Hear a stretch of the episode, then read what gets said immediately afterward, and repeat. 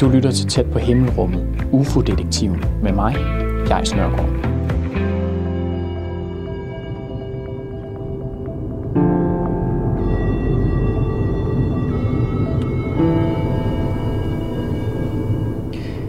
Jeg er på Lolland, og jeg er på vej hen for at besøge Ole Henningsen, som er, hvad jeg vil kalde for en UFO-detektiv. Og han har været medlem af foreningen Skandinavisk UFO-information i 61 år. I den forening der modtager de og opstøver danske beretninger om UFO'er. For her i landet der ser folk ret mange mærkelige ting på nattehimlen.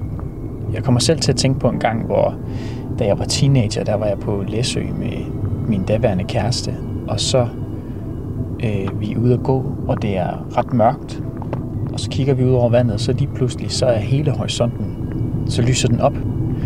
Øh, det var ikke et lyn, det var, men det var ligesom, det, det, det holdt ligesom længere tid, og vi fandt aldrig rigtig ud af, hvad, hvad det var. Og øh, jeg er ikke den eneste, der har oplevet sådan noget.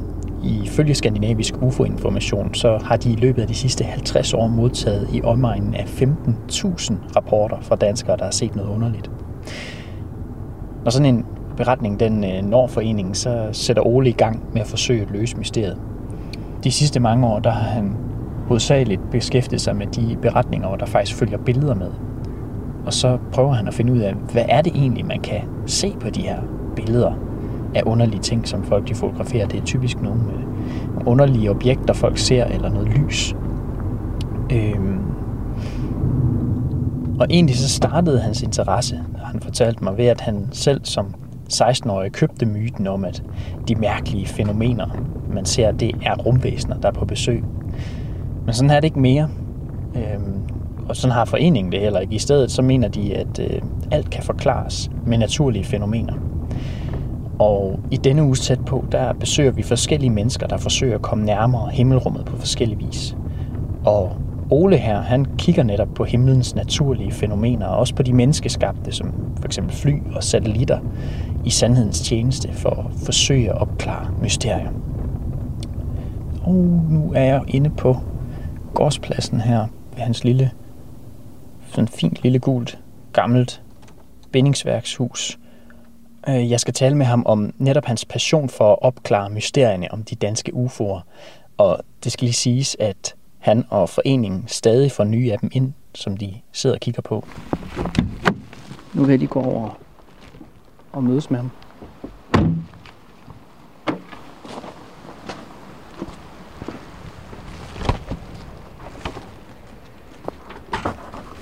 Så.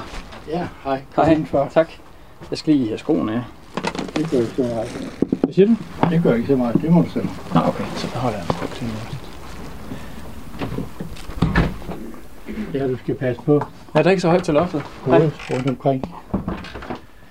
Nå, vi, må, vi skal jo sidde med lidt afstand på grund af coronasituationen.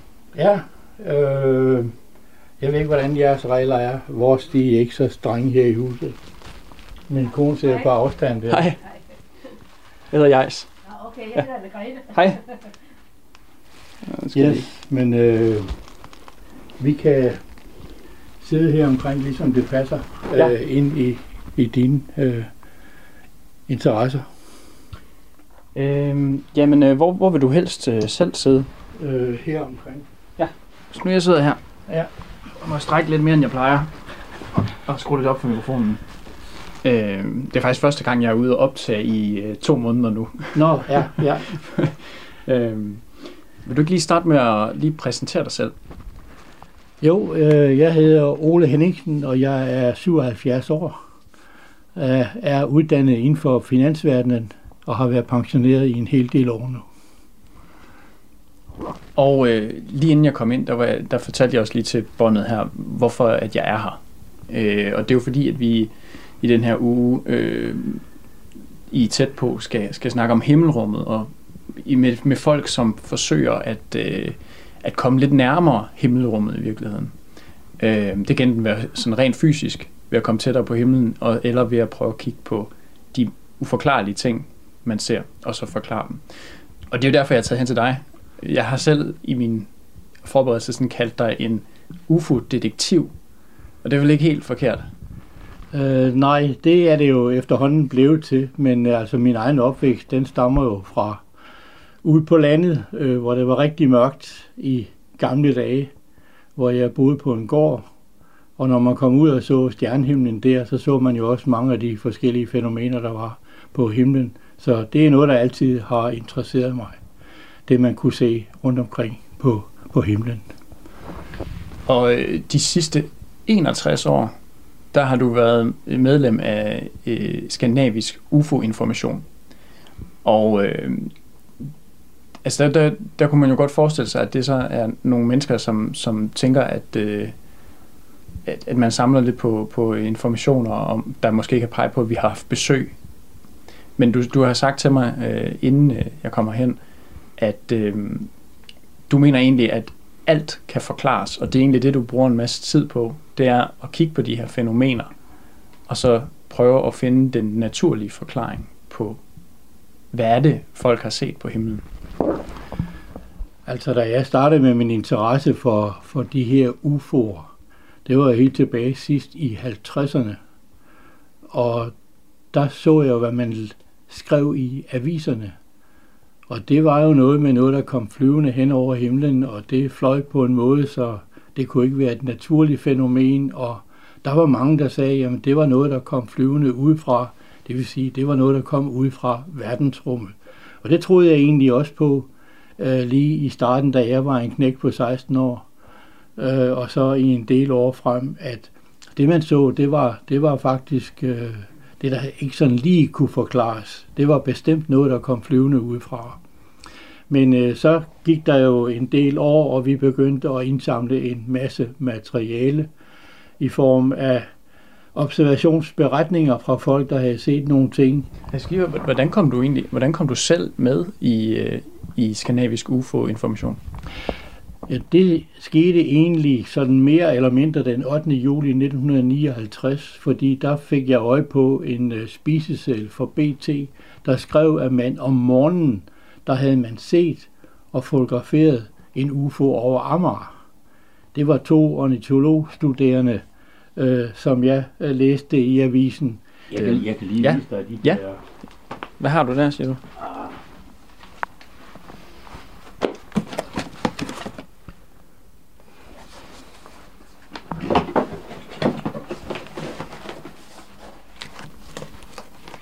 Det er et af de billeder, der er taget og sat i BT der i 1959.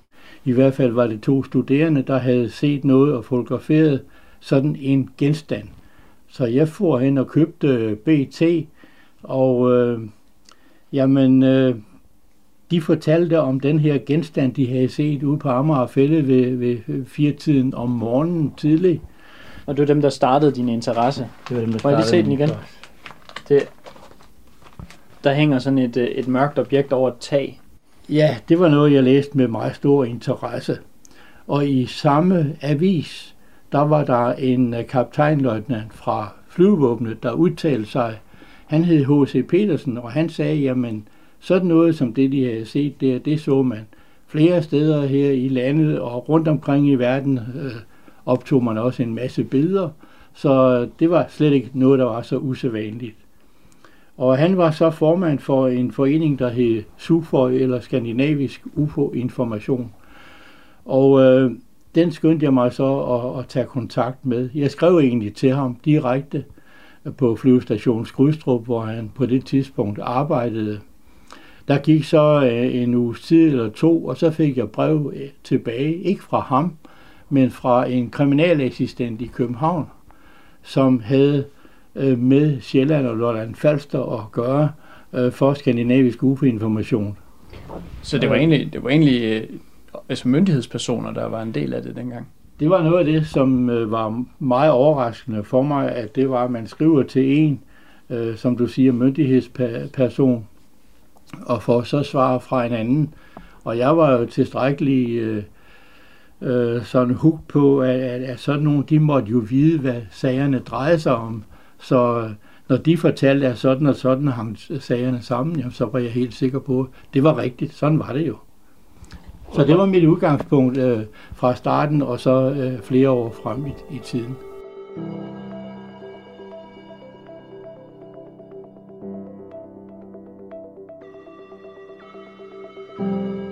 Du lytter til Tæt på øh, Himmelrummet med undertitlen den her gang øh, UFO-detektiven, fordi at jeg besøger Ole Henningsen, der i 61 år har været øh, medlem af Skandinavisk UFO-information, og som, altså, når nu at, at øh, den forening får, får øh, beretninger ind, så sidder du og, og tjekker dem efter for folk.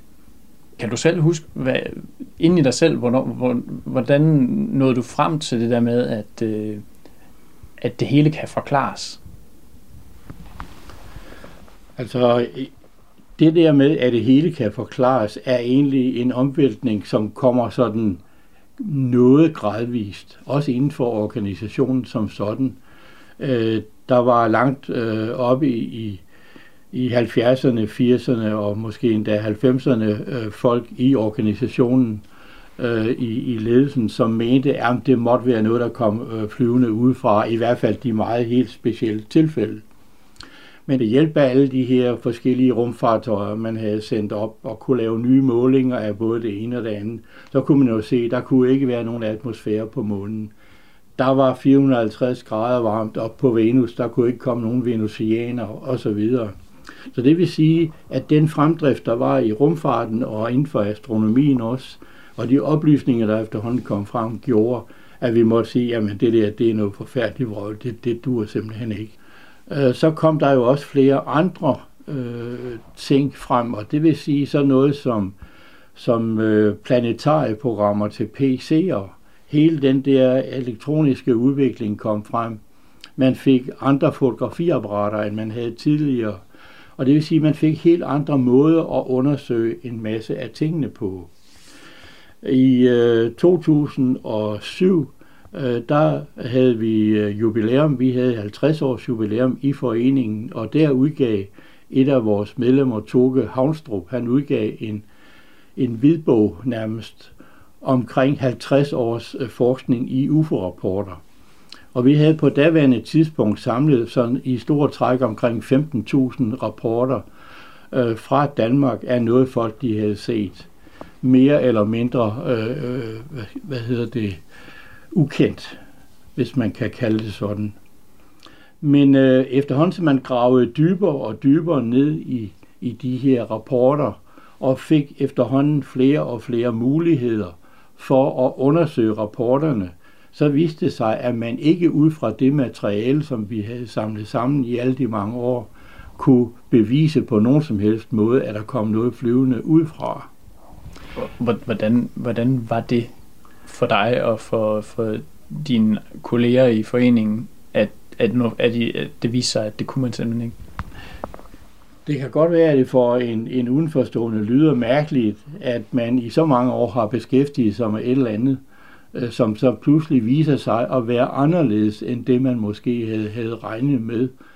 Men øh, for mig synes jeg egentlig, at det var, det var mere interessant øh, at fortsætte med detektivopgaven, hvis man kan kalde det sådan, øh, sådan at, at man ligesom fandt løsninger på og forklaringer på, hvad var det egentlig folk, de havde, havde set.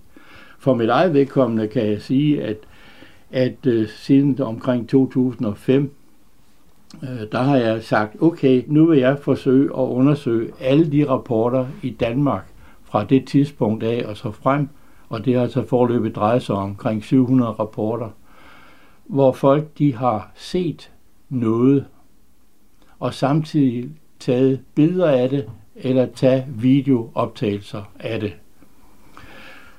Og har det så understøttet folks beretninger? Ja, men det har det egentlig. Det har understøttet folks beretninger på sådan en måde, så de har, hvad skal vi sige, øh, bevist, vi har set noget, her er materialet. Så de har virkelig set noget. Men hvad er det så, de har set?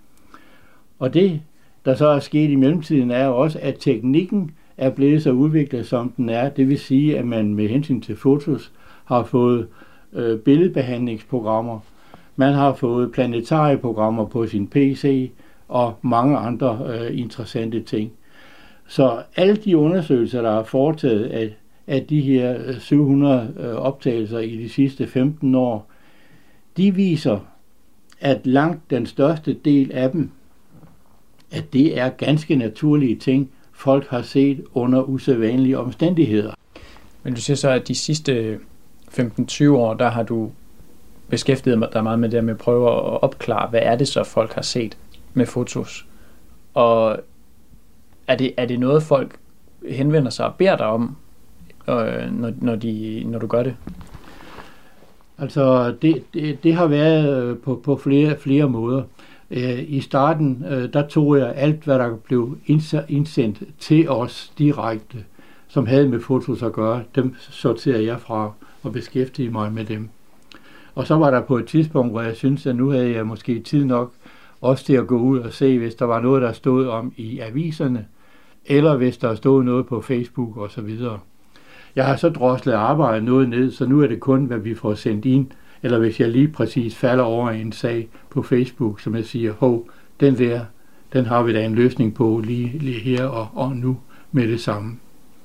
Den aller seneste sag, øh, jeg har fået, vi kan prøve at kigge på den herhen.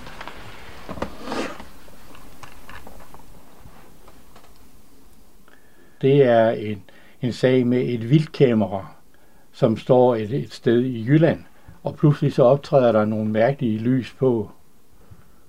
Hvem, hvem er det, der sender den ind til dig? Er det, er det dem, der selv har gjort observationen? I det her tilfælde her, der er det velkomne, som har gjort, øh, eller som har set det her vildkameraoptagelser øh, en gang i april, og sagt, hvad er det, der er på her? Det er hans egne optagelser. Og han siger, hvad, hvad, hvad kan det være for noget? Er der nogen, der har en forklaring? Og så går han ind og kigger et eller andet sted, og ender så op med at henvende sig til SUFOI, altså Skandinavisk UFO-information. Havde du billederne der? Så her har vi et billede, hvor man kan se, at der går en rev et stykke væk fra kameraet. Ja, dens øjne lyser op. Dens øjne lyser op, fordi der, er, der kommer lys fra, fra kameraet. Og så kan man se sådan nogle lysformationer heroppe på himlen. Det ligner næsten et tog. Ja, det gør det. vinduer på et tog, som sådan er, er sådan tværet ud i baggrunden. Altså min tanke er, og nu har jeg ikke fået undersøgt den helt nøjagtigt endnu, men jeg ved, hvad type kamera, der er anvendt. Det har han oplyst øh, samtidig med. Og umiddelbart, så tror jeg, at der er en eller anden årsag.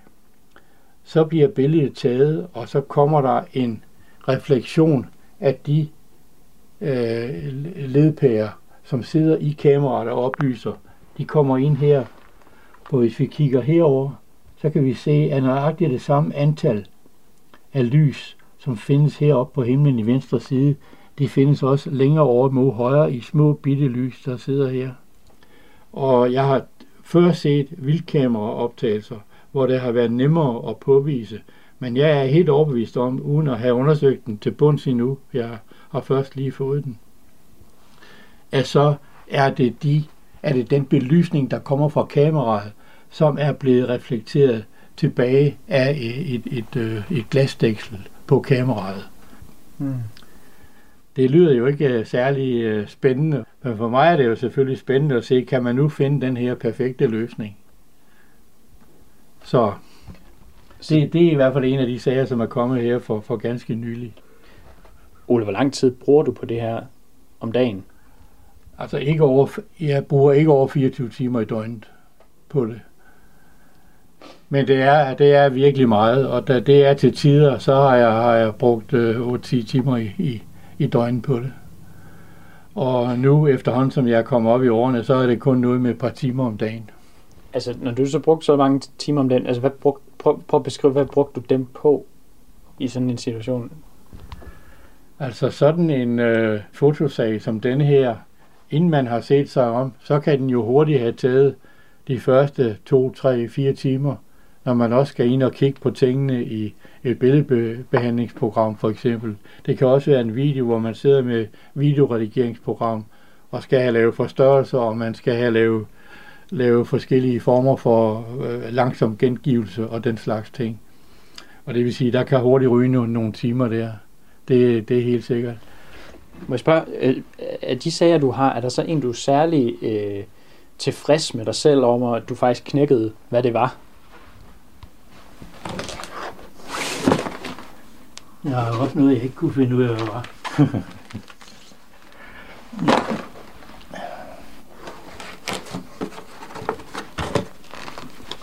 Der er en, en fotosag, som jeg synes har været, været rigtig interessant og spændende. Den stammer fra maj 1975. Der var en øh, professionel fotograf. Han var ude på Avedøre Holme.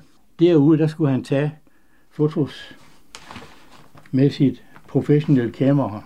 Og da han tager det første billede, der synes han ligesom, der kommer et lysglimt. Men han tænker ikke nærmere over det.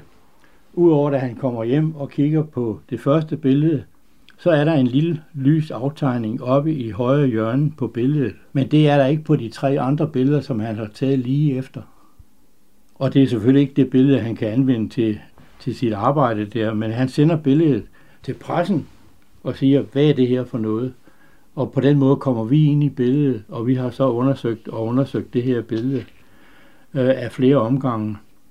Jeg har selv øh, på et tidspunkt været ude ved Avøre Holme derude og taget billeder. Og der har du taget det der billede så? Der har jeg taget her, ja, farvebilleder derude fra. Og jeg har også været derude her for to år siden igen og kigge på tingene, men det er totalt ændret. Så nu kan vi ikke komme længere øh, derude. Og vi har ikke rigtig vidst, hvad det var for noget. Det, øh, hvad, hvad, hvad, er det så den, det, er det en strandet sag, den der, som du aldrig finder ud af? Hvad det har været en strandet sag. I mange år har vi anset den her lys øh, aftegning for at være en eller anden form for refleks, men vi har ikke rigtig kunnet finde en ordentlig forklaring på det. Men her i løbet af de sidste par år, er, der er jeg helt overbevist om, at nu har jeg fundet øh, forklaringen på, øh, hvad det her det drejer sig om. Hvad er det så? Og, og, og det er en refleks, men, men hvordan opstår den overhovedet? Jamen, det har noget at gøre med, at vi ved nøjagtigt, i hvilken retning billedet er taget. Vi ved, ved nogenlunde med hvilken type kamera og op- objektiv det her billede er taget. Og det viser sig, at i sådan en lille portnerbolig ved siden af, at der er der nogle små vinduer oppe for oven, som kan lukkes op, vippes op. Og min teori, den er nu, at lige præcis da han tager det første billede, der er et af de der vinduer, det er lige blevet lukket op i samme øjeblik. Det har reflekteret lyset, så det er gået over i hans objektiv, og der findes en hel masse koncentriske ringe i kransen uden omkring objektivet.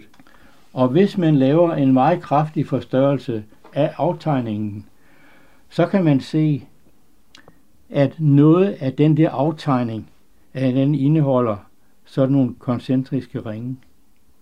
Så jeg er overbevist om nu, at sollyset har ramt vinduet på samme tidspunkt, hvor han har taget billedet, og refleksionen af sollyset over i kameraets ydre del, på, på objektivets ydre del, det er det, der har givet aftegningen ind på billedet. Og det er så også årsagen til, at det ikke er med på de tre næste billeder, for der er vinduet lukket op.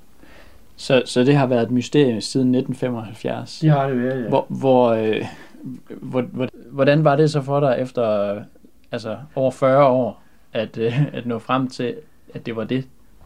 Altså, jeg synes, øh, jeg synes, det var rigtig, rigtig morsomt at nå frem til, at sådan her må, må den her sag være opstået. Og så kan man sige, ja, var det så ikke andet? Nej, øh, det var det så ikke. Men når det nu var sådan en sjælden foretagelse, kan man sige, at lige præcis på det tidspunkt, når han lukker vinduet op, så rammer sollyset ned i det der vindue. Det er den hændelse, der gør, at sagen den er uopklaret fra starten af. Fordi det er så sjældent en hændelse, men det er flere af hinanden uafhængige fænomener, som, som banker sammen. Og det er det, du mener med, at, at øh, de ting, I, I får henvendelse på, det er typisk naturlige eller altså, forklarlige ting, som er sket på en, en særlig måde? Det er det ofte, ja. Det er ofte flere ting, øh, der, der, er, der bliver oplevet. Men, Men er det, det den, bliver at... oplevet, som om det er en samlet hændelse, men i virkeligheden er det måske flere hændelser, der sker på samme tid. Du lytter til Tæt på Himmelrummet, hvor jeg i dag er på besøg hos Ole Henningsen, der i 61 år har beskæftiget sig med danske UFO-beretninger. Og i de sidste mange år har det været med henblik på at bevise, at det er helt almindelige ting, folk ser, og altså ikke rumvæsener. Hvorfor, Ole, er det, at du er endt med, at det lige var, var de her uidentificerbare flyvende objekter, der, der har taget så meget af din tid og, og prøver at afmystificere? Men det, det er jo nærmest fordi, jeg fra starten af øh, havde en interesse for, hvad der foregik op på, på himlen. Og øh, når man så så på det tidspunkt, hvor jeg interesserede mig for det fra starten af, som sådan en 16-årig knægt, øh, der var der jo tit, at der stod i avisen om, at nu havde nogen set det ene, og nu havde nogen set det andet. Og man vidste egentlig ikke ret meget om de der ting. Så efterhånden så samlede jeg rapporter ind om de her ting, som også min omgangskreds de havde, de havde set. Og efterhånden, som så vi fandt ud af, hvordan så noget i virkeligheden opstod, hvad det var for noget, man så, så synes jeg, det var så spændende også at kunne fortælle det videre igen og sige, jamen det opstår på den og den måde. Og det vil sige, jeg synes, det er sådan en slags folkeoplysningsopgave, som vores forening i mange, mange år har, har haft. Så jeg kalder det nærmest en slags folkeoplysning efterhånden. Og det synes jeg, det er den største opgave. Hvordan har du det med uvidenhed? Altså, jeg har det fint med uvidenhed. Øh, hvis bare folk de også selv en gang imellem vil indrømme det. Ja, Ola, er det den her reol, vi står ved her, sådan en ABC-reol, fuld højde, er, er det alle dine øh, arkiver? Overhovedet ikke. Nej? Nej, altså det er, det er en lille bitte, bitte, en lille bitte smule af mine arkiver. Men oh. på loftet, der har jeg, jeg vil tro, imellem et halvt og et tons UFO-materiale. Så det er mine UFO-arkiver. Så det er kun en meget lille beskeden del, jeg har hernede, øh, som jeg har her, fordi jeg er ved at skrive et par bøger. Kan man komme op på loftet og se din, din store samling? Øh... Øh, ja, det er, du kan dårligt se den. Men du må gerne komme med. Ja. Men det er heroppe, du har det? Ja. Noget af det. Det er meget fint gammelt hus, det her, hva'? Ja, pas på hovedet. Nå ja. Det er lige indenfor det til venstre der, der står en masse kasser. Åh oh ja, her har du sådan et arkivsystem. Her står der ildkugler over Danmark og lokale rapporter og EF til sortering. Ja, det betyder ikke efterretningstjenesten, men det betyder efterforskningssager ah. til sortering og så videre, ja.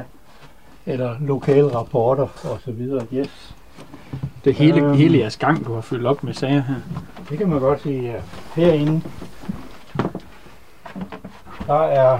Øh, der står 1946 på den ja, her. det er rapporter om, om de såkaldte spøgelsesraketter fra 1946 og frem efter. Altså det er sådan, at, at luftvåbnet, de har, eller flyvevåbnet, i mange, mange år har de indsamlet de rapporter, som, som folk de har sendt ind til dem. Men egentlig starter det hele tilbage i 1946, hvor man i Skandinavien indsamler, jeg tror det er i, i nærheden af et par tusind rapporter om ting og sager, der er set på himlen. Man kalder det for spøgelsesraketter, fordi der er nogen, der tror, det måske er, er tyskernes øh, hemmelige raketter, som der bliver eksperimenteret videre med efter krigen. Og så er der ellers øh, kasser, som, som jeg i øjeblikket er i gang med at sortere. Og så er der herinde, og her er en del af vores fotoarkiv. Ja, der har du, det er de her kasse, arkivkasser igen, hvor du har, Ja, hvor mange er der derinde? det, det, En 30-40 stykker? eller og så herom på den anden side, der har vi så øh, noget af det nyere arkiv af fotosager. Altså, det er jo næsten hele jeres øverste etage, du har fyldt med, med dit arkiv her, er det ikke Det det? kan man, det kan man sådan Og sige der er mere derinde? godt sige. Fordi der er så yderligere fotosager, stående her er et par meter, og med andre sager, som jeg er i gang med at undersøge. Ligesådan herover. Og så er der noget om meteoritter. Og så er der masser af billeder og bånd, Der er også sådan- optagelser og alt muligt forskelligt. Det er både på kassettebånd, og hvad, hvad kalder man det? Sådan det, det gamle lysbilledbånd, dem der, ikke? Det er, det er sådan en, en lysbilledkassette, ja.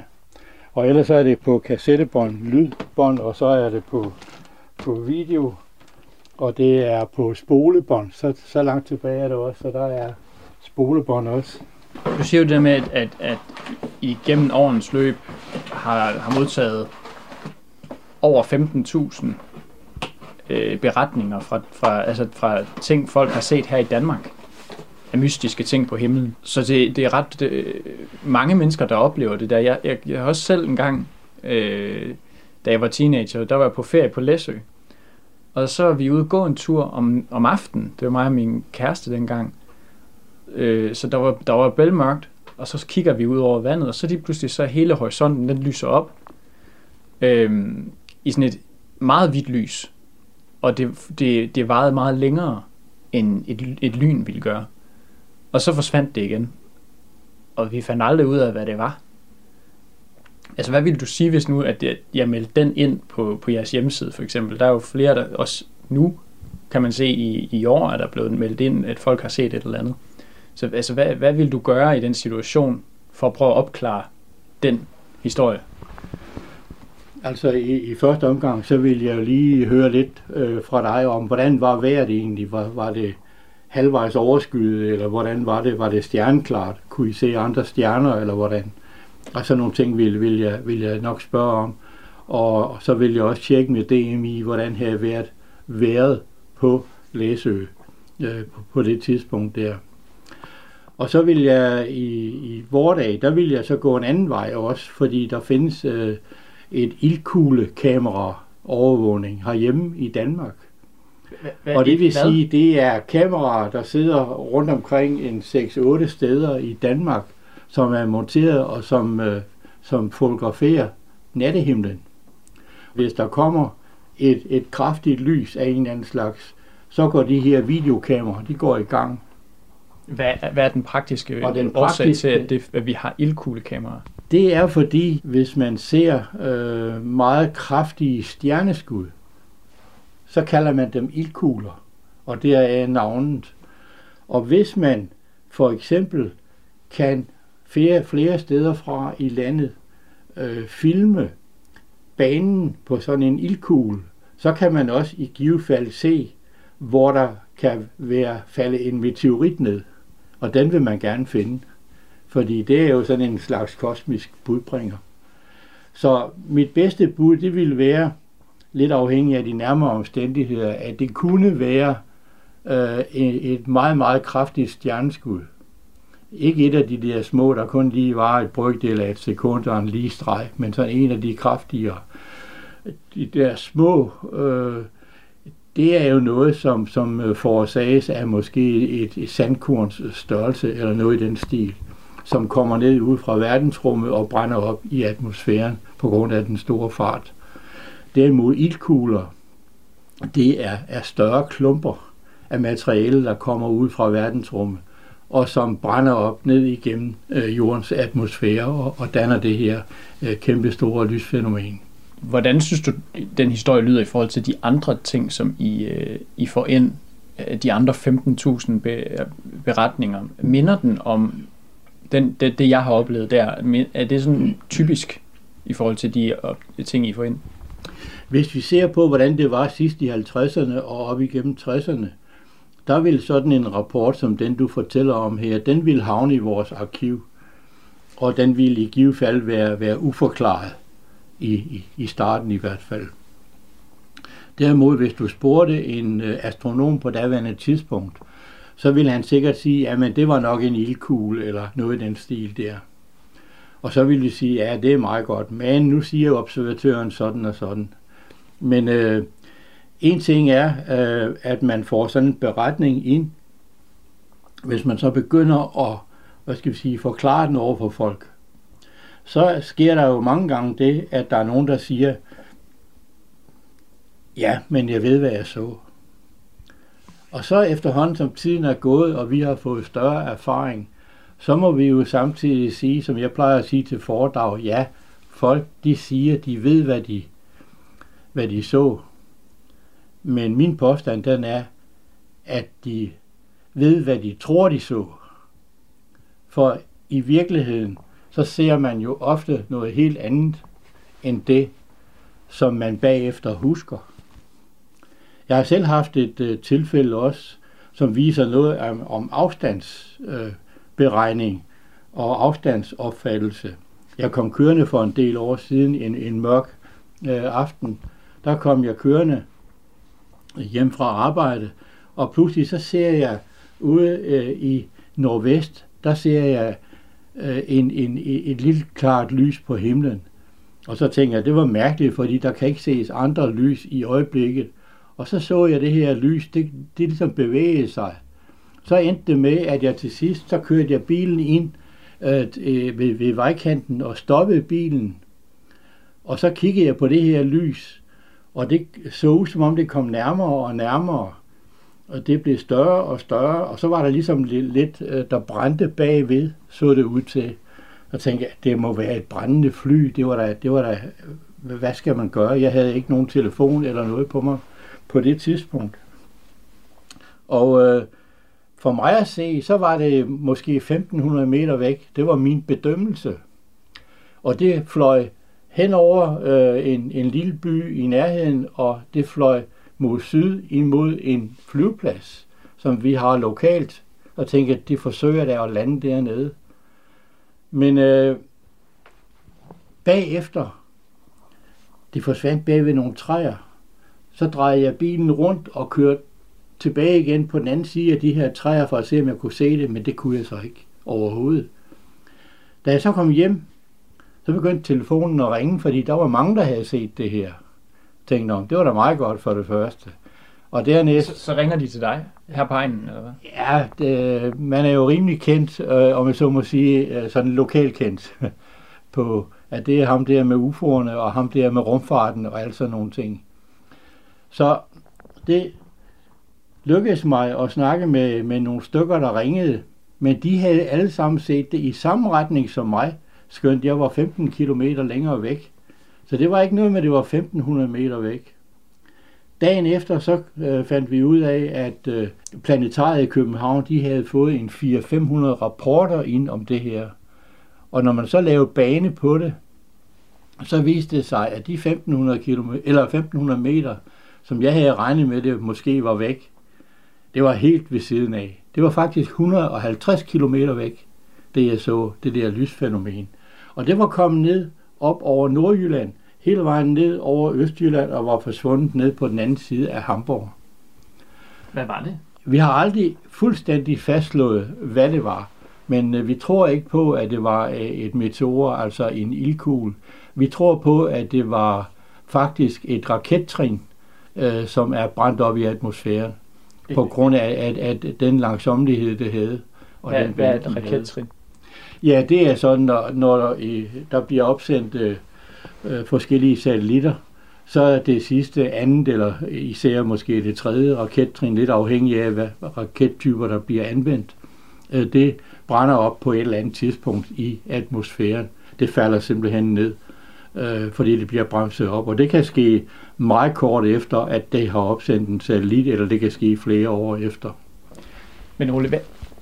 Så, Men det, ja.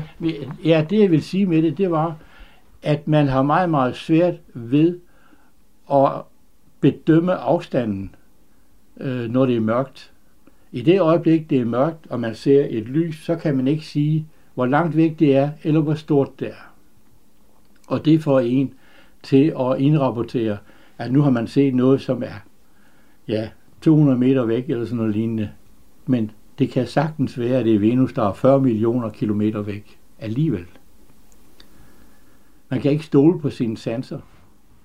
Og det får mig jo samtidig til at tænke på, hvad det er for nogle historier, man hører i retten, når der skal laves vidneudsagn i retssager og sådan noget lignende, især hvis der er gået lang tid.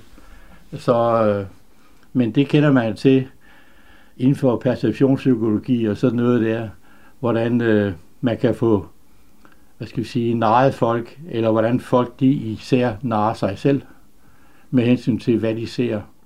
Så det der med, at man siger, jeg ved, hvad jeg så, yes, du ved, hvad du oplevede, at du så,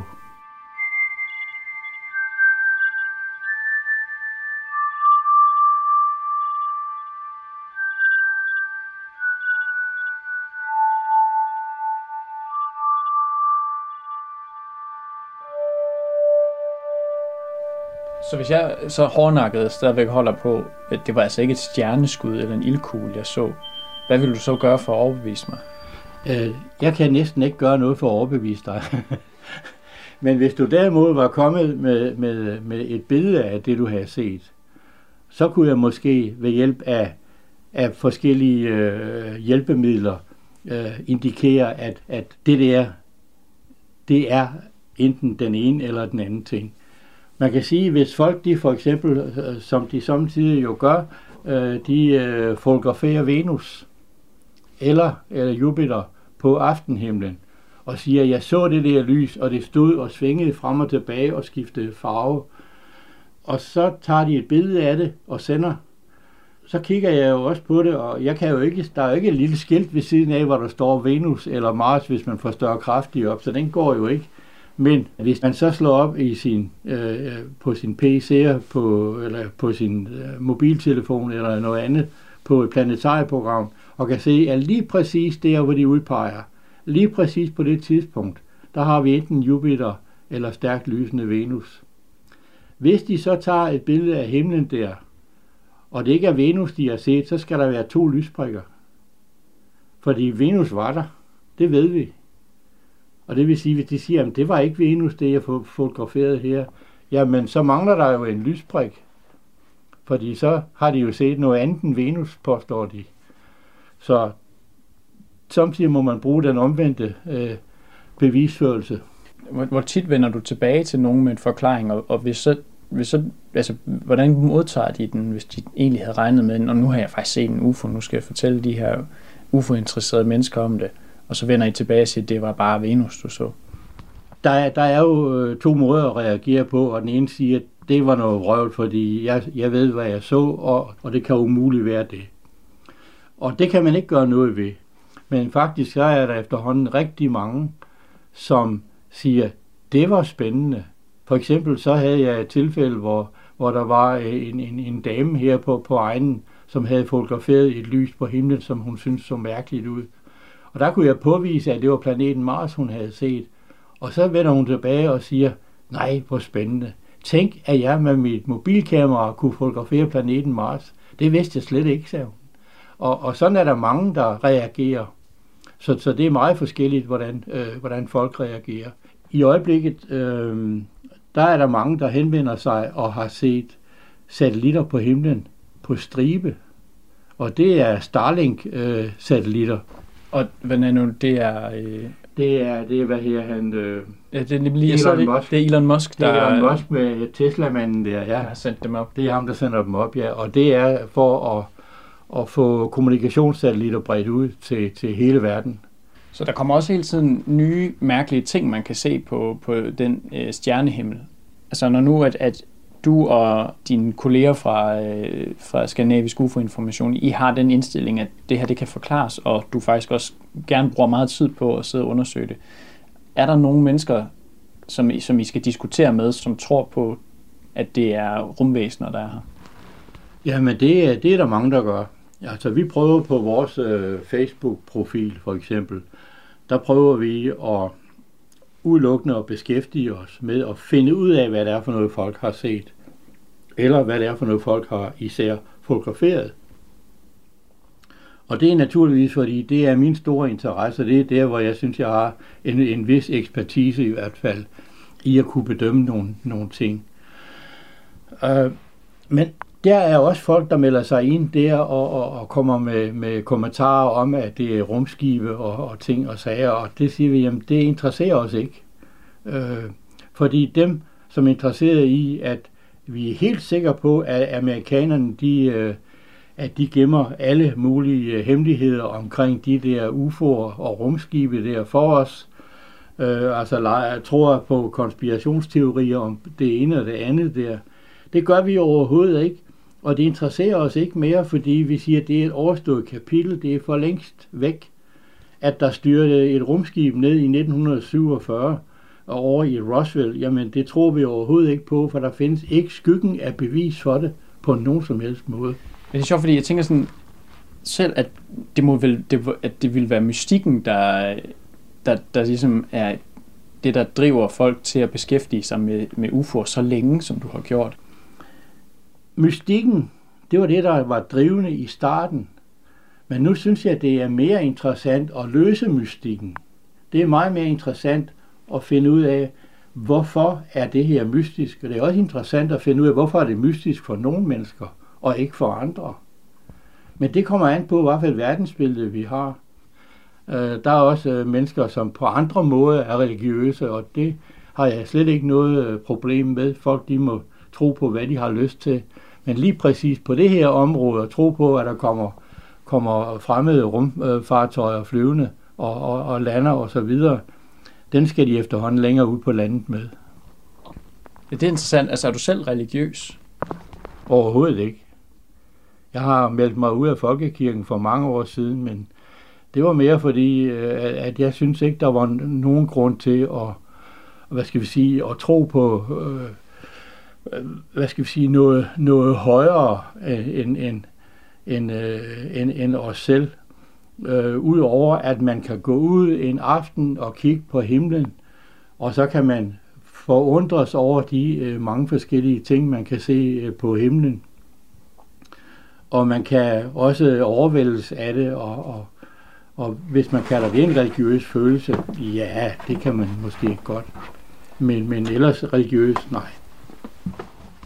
Der er, der er der sådan nogle af de nyere ting her til forsvarsarkiver til sortering og spøgelsesraketter stadigvæk, og Forsvarets Forskningsråd og øh, Rigsarkiv og X-Files og flyvevåbnets UFO-rapporter osv. Så videre, så videre, så videre. Nu kan jeg godt forstå, at der kan gå noget tid med at sortere det igennem, når der er så meget.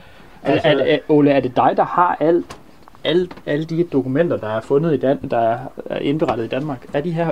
Altså vores, øh, vores UFO-rapporter, de 15.000 rapporter, de ligger i Sverige i øh, arkivet, der hedder AFU, Archives for the Unexplained, som ligger i Nordkøbing i, i Sverige. Og der er det meningen, at når jeg er færdig med at gennemgå de her øh, fotomaterialer, som jeg også skriver om i øjeblikket, så skal det materiale også til Sverige, til det arkiv, sådan det, det bliver bevaret for eftertiden. Det er det, det hele det går, går ud på. Og her i efteråret, der afleverede vi sådan cirka et halvt tons materialer i forvejen derovre. Men øh, jeg er jo i gang med at skrive om de danske X-Files, og det vil sige øh, de øh, filer, som vi fik fra, fra luftvåbnet. Og så har jeg været på Rigsarkivet og på det kongelige bibliotek og undersøgt en hel del forskellige ting. Og på Rigsarkivet har jeg fundet en hel del materiale i forsvarets øh, gamle arkiver. Øh, nu kan man ikke komme ind i øjeblikket på Rigsarkivet, men øh, på et tidspunkt så bliver der jo åbnet igen. Og så skal jeg fortsætte mine undersøgelser i forsvarets gamle arkiver, som en hel del af det har jeg fået adgang til. Og så må jeg kigge på det, og så er jeg i gang med at skrive bøger om det. Men synes du, synes du de, de øh, X-Files, eller hvad man skal kalde dem, som er fra de, øh, de, de øh, beretninger, som myndighederne har, har været i besiddelse af, er de mere interessante end, end dem, som, som I har fået ind igennem årene? Jeg vil sige, at de øh, rapportmaterialer, som jeg har haft adgang til, det er nøjagtigt i samme stil, som vi har fået ind i, i årenes løb. Det er det, de så har offentliggjort selv. Så har jeg gravet en del gamle arkiver. Og der synes jeg egentlig, at de har gjort et udmærket stykke arbejde med at undersøge nogle forskellige sager, men har fundet øh, naturlige forklaringer på, på de forskellige. Så jeg har ikke fundet den rygende pistol og siger, at der var en, den var fuldstændig, og så videre, og så videre, med billeder og med lyd og hvad ved jeg. Det, det, det, har jeg, det har jeg ikke fundet endnu, men det kunne altid være spændende. Men i øjeblikket, der undersøger jeg mest de her gamle arkiver, for ligesom at grave materiale frem, sådan at det kan blive bevaret for eftertiden. Øh, og i første omgang her, så er jeg interesseret i, at folk via mine bøger skal kunne komme til at læse, hvad er det for noget, der de har liggende i de arkiver. Men drømmer du stadig lidt om at finde, som du siger, den rygende pistol, hvor der er noget, som, øh, som ikke bare lige kan forklares med Venus, øh, at det var Venus, der stod på himlen, eller at øh, der kom en flyver forbi på det tidspunkt? Helt ærligt, det tror jeg egentlig ikke på. Jeg er for længst kommet dertil at sige, jamen, de var egentlig ikke i flyvevåbnet et hak klogere end os andre. Øh, så jeg tror ikke på øh, en eller anden rygende pistol i, i, i den forbindelse der. Men jeg synes, at det er en god idé, i lighed med andre lande, at få materialet offentliggjort og komme frem med materialet, sådan så det kan blive offentliggjort, øh, så alle og enhver kan, kan læse det og danne deres egen mening om, omkring tingene. Jamen, Ole Henningsen, UFO-detektiv. Øh, du skal have mange tak, fordi jeg måtte besøge dig. Ja, velbekomme. Det var en fornøjelse.